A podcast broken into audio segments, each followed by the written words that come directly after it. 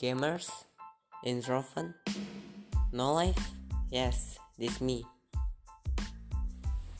My name is Jevon and you can call me Jevon or Fon and this is my podcast Tyler and okay bye sayonara